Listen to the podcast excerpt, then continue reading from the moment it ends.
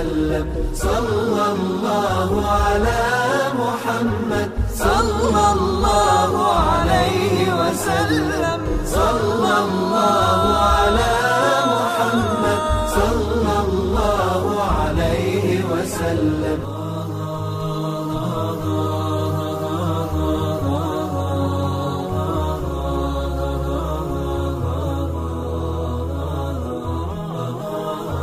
Assalamualaikum warahmatullahi wabarakatuh. Mitra muslim yang dimuliakan Allah subhanahu wa ta'ala.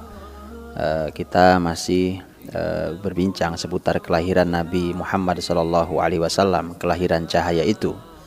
Dan kata kelahiran cahaya bukan uh, sekedar sebuah ilustrasi Tetapi sebagaimana disebutkan dalam sirah nabawiyah Bahwa ada sangat banyak riwayat yang berbicara tentang e, bagaimana e, Aminah ibunda Muhammad SAW hamil.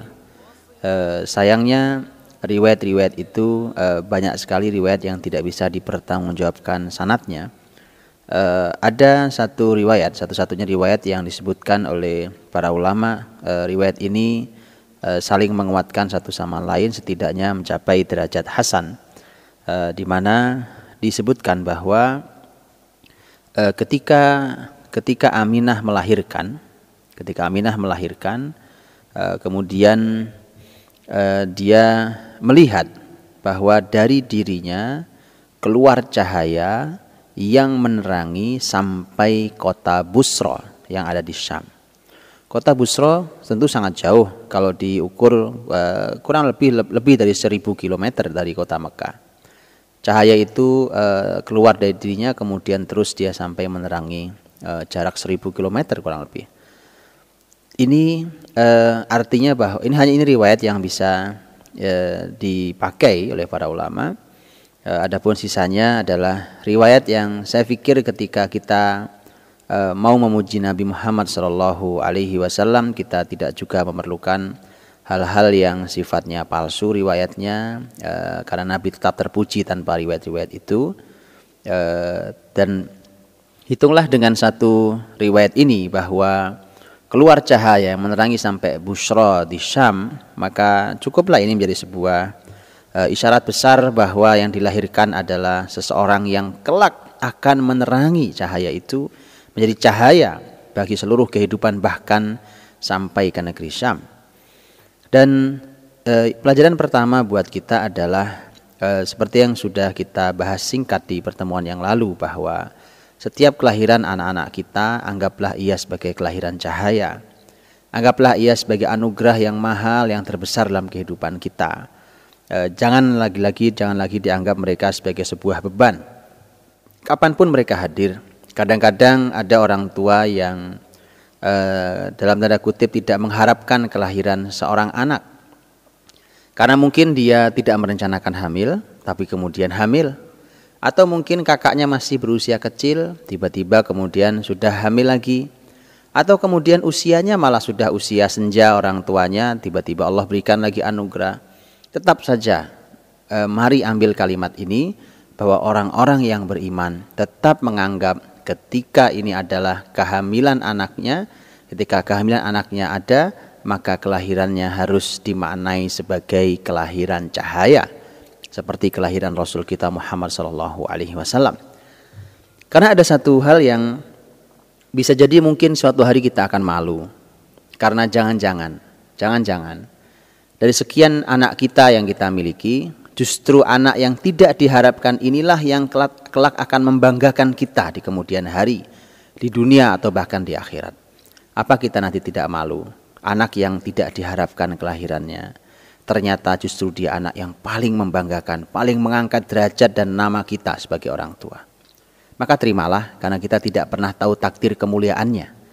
Dan selalulah berharap positif bahwa mereka lahir dengan membawa cahaya yang akan menerangi kehidupan kita di dunia hingga di akhirat nanti juga menerangi uh, umat yang lain manusia ya, yang ada di muka bumi ini. Adapun Rasulullah Muhammad Shallallahu Alaihi Wasallam ketika cahaya itu sampai ke negeri Syam dan subhanallah ternyata uh, ketika Rasulullah Shallallahu Alaihi Wasallam nanti wafat Beliau berdakwah, berjuang, kemudian wafat. Ketika beliau wafat, wafat beliau itu diiringi dengan beliau mengirimkan pasukan yang beliau buat dan dipimpin oleh Usamah bin Zaid radhiyallahu anhuma sebagai panglima termuda dalam sejarah Islam yang usianya baru 18 tahun kurang lebihnya. Itu berangkat. Tetapi ketika baru di, sampai di sebuah tempat bernama Juruf baru beberapa mil mendengar bahwa Rasul wafat. Ke mana perginya? Ke negeri Syam. Dan ini adalah merupakan satu uh, perjalanan pasukan yang boleh kita katakan sebagai sebuah perjalanan untuk membuka gerbang Syam itu artinya bahwa Rasulullah SAW ketika wafat itu cahayanya sudah menjelang e, masuk, sudah mulai terlihat di negeri Syam. Karena ketika beliau wafat e, seluruh jazirah Arab telah masuk Islam hingga ke negeri Yaman di bagian selatannya dan di bagian utaranya berbatas dengan negeri Syam. Seakan ini menjadi sebuah isyarat besar bahwa e, begitulah kelahiran e, orang istimewa, orang hebat ini itu ternyata sudah diisyaratkan sejak uh, ibunya uh, melahirkan. Maka sekali lagi, sekali lagi ketika ada seorang ibu melahirkan, keluarkan kalimat-kalimat positif. Keluarkan kalimat-kalimat yang istimewa. Karena jangan sampai kita mengeluarkan kalimat yang negatif kemudian bertepatan dengan waktu Allah mengabulkan doa dan kalimat orang tua bisa bermakna doa. Untuk itulah Ketika Rasulullah Sallallahu Alaihi Wasallam dilahirkan uh, oleh ibundanya dalam keadaan cahaya, uh, dalam dalam arti bahwa keluar uh, seorang jabang bayi, tapi kemudian juga keluar cahaya, uh, seperti yang diriwayatkan tadi, maka ini adalah merupakan satu pelajaran mahal bahwa anak-anak kita harus menjadi anak-anak cahaya. Selanjutnya Rasulullah Muhammad Shallallahu Alaihi Wasallam dilahirkan pada tahun gajah kita menyebutnya. Dan ini adalah e, satu pendapat yang tepat karena ada beberapa pendapat sebenarnya tentang kapan Rasul Muhammad SAW dilahirkan. Ini adalah pendapat yang tepat karena langsung didukung oleh Al-Quranul Karim. Di mana kita tahu bahwa Allah berfirman tentang peristiwa gajah itu. E, walaupun di sana tidak disebutkan bahwa Nabi lahir di peristiwa itu tapi ada riwayat-riwayat yang menyampaikan bahwa Nabi lahir di peristiwa gajah itu di mana kita tahu bahwa ada surat Al-Fil di dalam Al-Qur'anul Karim surat gajah yang berbicara tentang masalah e, rencana penyerangan pasukan Abraha dari Yaman yang berencana e, menyerang atau menghancurkan Ka'bah e, yang merupakan tempat yang didatangi oleh banyak orang dari berbagai tempat dan tentu itu menguntungkan secara bisnis karena di kepala seorang Abraha yang ada adalah bagaimana Yaman menjadi ramai seramai kota Mekah dengan keberadaan Ka'bah itu. Sehingga ketika dia membangun membangun gereja dan sangat indah, jauh lebih indah daripada Ka'bah yang hanya tumpukan batu. Tapi kita perlu tahu kedatangan orang dengan ikatan spiritual jauh lebih memberikan makna dari sekedar datang hanya karena sebuah keindahan. Ini istimewanya. Anda tentu tahu bahwa kita mungkin sudah pernah berjalan-jalan menikmati tempat alam, keindahan dan seterusnya. Tapi bagi orang beriman tidak ada perjalanan yang seindah perjalanan kita ke tanah suci kita. Ke Ka'bah, ke Masjid Nabi Shallallahu alaihi wasallam karena kita datang dengan spiritual, dengan iman kita. Peristiwa gajah itulah, pasukan bergajah itulah yang kemudian menjadi satu uh, momentum yang menandai kelahiran uh, Rasulullah Muhammad Sallallahu Alaihi Wasallam. Dan lagi-lagi menjadi satu hal yang menarik bahwa menjadi sebuah isyarat tentu saat itu kelahiran ada perbedaan pendapat apakah apakah dilahirkan sebelum Abraham menyerang Ka'bah atau dilahirkan setelah uh, peristiwa dihancurkannya pasukan bergajah ini. Ada perbedaan pendapat dalam hal ini, tetapi yang jelas bahwa kisarannya ada di Eh, di tahun gajah itu. Eh, kalau diberi tanggal adalah tanggal 12 Rabiul Awal, tahunnya tahun gajah. Arti tahun gajah artinya adalah kisarannya pada pada uh, peristiwa uh, penyerangan uh, gajah karena itu peristiwa besar di mana masyarakat Quraisy sendiri menyaksikan uh, peristiwa yang sangat ajaib sebagaimana yang dikisahkan dalam surat Al-Fil. Ketika datang uh, burung dalam jumlah yang sangat banyak ababil tairan ababil. Uh, burung dalam jumlah yang sangat banyak sekali dan itulah yang uh, kemudian melempari mereka dengan batu-batu yang panas. Dan hancurlah mereka matilah mereka kecuali hanya bersedikit yang lari dan ini peristiwa sangat dikenang oleh masyarakat Quraisy dan untuk itulah ketika lahir seorang Muhammad maka mudah mengenangnya Eh, lahir pada uh, peristiwa pasukan bergajah yang hendak menyerang Ka'bah. Ini pun menjadi sebuah pelajaran, menjadi sebuah isyarat tentang sebuah kelahiran. Ketika seorang anak lahir dengan momentum sebuah peristiwa, maka maknailah tetap dengan makna yang positif. Kalau kita melihat contohnya, kita melihat bahwa Rasulullah Muhammad SAW dilahirkan ketika orang zalim itu pasukan Raja Zalim itu ternyata Allah hancurkan ketika mereka siap menghancurkan rumah Allah. Lahir seorang Nabi. Allah ingin menegaskan bahwa ini Baitullah ini ada rumah. Adalah rumah Allah. Adalah tempat ibadah orang-orang yang beriman. Tidak boleh dihancurkan oleh tangan-tangan zalim. Bahkan ketika manusia sudah tidak mampu menjaganya, Allah sendiri yang menjaga rumahnya. Dan inilah yang uh, dikatakan oleh Abdul Muttalib sang kakek bahwa uh, inna lil baiti rabban yahmi. Uh, bahwa adapun rumah ini Ka'bah ini memiliki uh, memiliki tempat uh, di memiliki Tuhan yang melindunginya. Dan uh, ketika peristiwanya peristiwa yang positif kita melihatnya.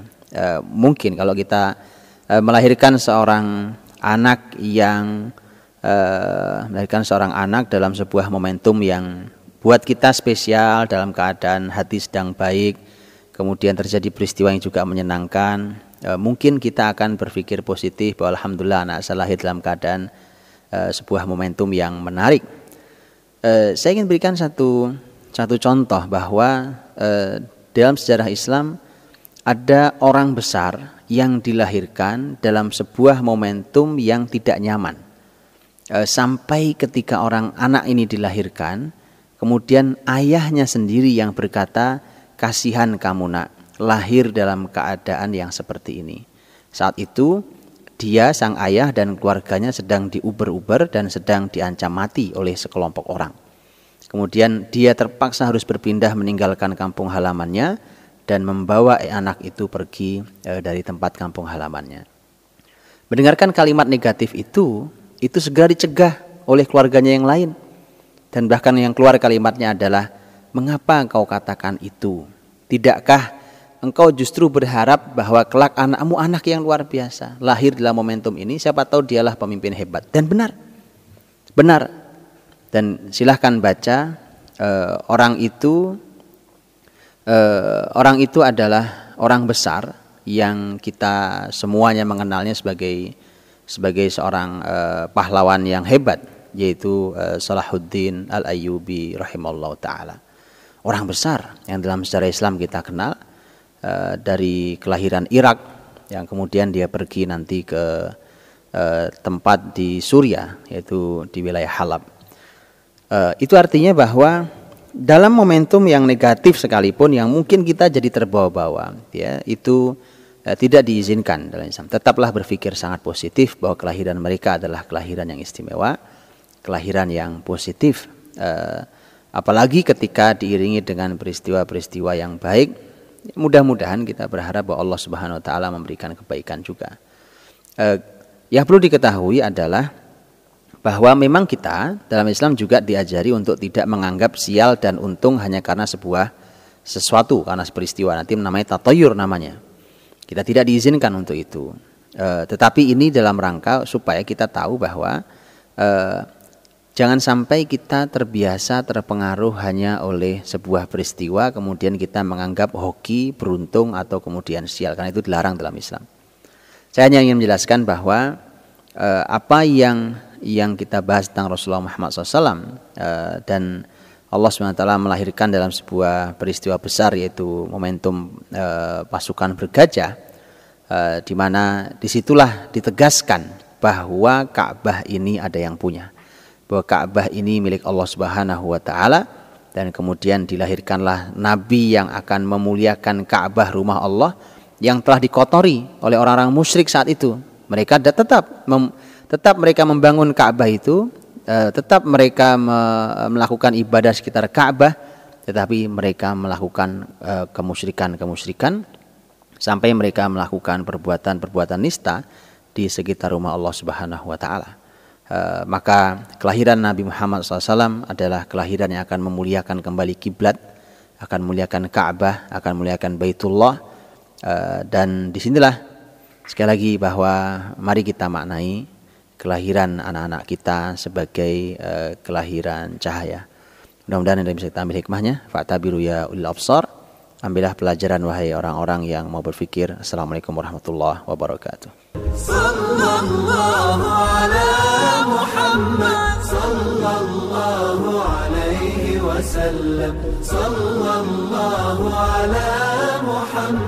Sallallahu alaihi wasallam الله عليه